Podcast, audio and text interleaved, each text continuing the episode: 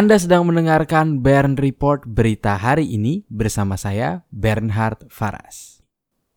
Berita pertama, Nokia telah sepakati 63 kesepakatan kerjasama untuk 5G.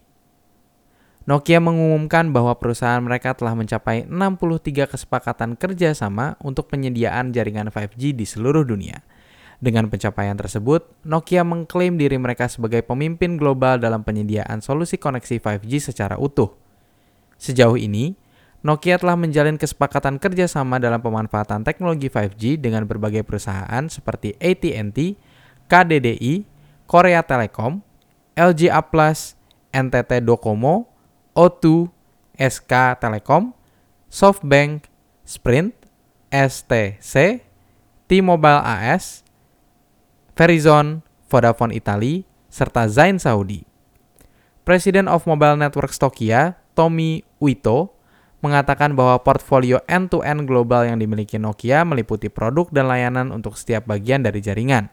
Hal tersebut dapat membantu operator jaringan untuk mengaktifkan kemampuan utama 5G seperti network slicing, cloud yang terdistribusi, dan Internet of Things untuk industri. Berita kedua, konten filmnya dinilai tak aman, ini tanggapan Netflix.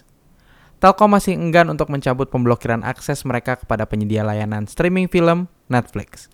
Mereka beralasan bahwa keputusan yang dibuat bukan berdasarkan kepentingan bisnis, namun pemblokiran tersebut diberlakukan Telkom karena konten yang disajikan Netflix tidak sesuai dengan aturan yang ada di Indonesia. Netflix Indonesia menjawab terkait pernyataan dari Telkom Group. Mereka berkata bahwa Netflix menyediakan berbagai macam fitur yang dapat mempermudah pengguna untuk memilih konten macam apa yang ingin mereka tonton. Salah satu fitur tersebut adalah parental control, di mana konsumen dapat memilah konten apa yang dapat diakses oleh anak-anak saat menggunakan Netflix. Berita ketiga, Realme jual wireless earphone mirip AirPods di Indonesia. Di awal 2020, Realme membuat gebrakan baru dengan meluncurkan produk IoT atau Internet of Things pertamanya. Produk tersebut adalah perangkat TWS atau True Wireless Stereo yang dinamakan Buds Air, yang resmi dijual di Indonesia pada Rabu 15 Januari 2020. Dari segi desain, earbuds wireless ini mirip seperti desain Apple AirPods. Perangkat ini hadir dengan case yang bisa mengisi daya tanpa kabel melalui charging pad 10 watt. Case tersebut sama seperti yang kita jumpai di Apple AirPods dan Samsung Galaxy Buds. Buds Air juga memiliki teknologi noise cancellation dan dilengkapi dengan diafragma komposit multilayer LCP yang canggih dan driver suara 12 mm yang besar. Hal tersebut diklaim membuat suara lebih kaya ketika didengarkan. Di Indonesia, Buds Air akan dijual seharga Rp900.000. Berita keempat, anak magang NASA temukan planet dengan dua matahari. Seorang anak magang di Lembaga Antariksa Amerika Serikat atau juga dikenal sebagai NASA, Wolf Chukier, berhasil menemukan sebuah planet baru. Pria yang masih duduk di bangku SMA ini berhasil menemukan planet baru di hari ketiga ia magang. Chukier berhasil menemukan planet yang memiliki dua matahari atau bintang, seperti planet Tatooine dalam film Star Wars.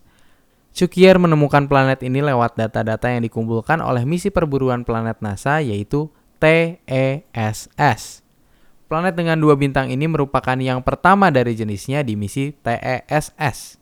Planet yang dinamakan TOI 1338b ini ditemukan di konstelasi Pictor yang berjarak 1300 tahun cahaya dari bumi. Menurut NASA, planet baru tersebut berukuran 6,9 kali lebih besar dari bumi. Dalam artian, planet tersebut berukuran kurang lebih seperti Neptunus atau Uranus. Terima kasih sudah mendengarkan Bern Report berita hari ini.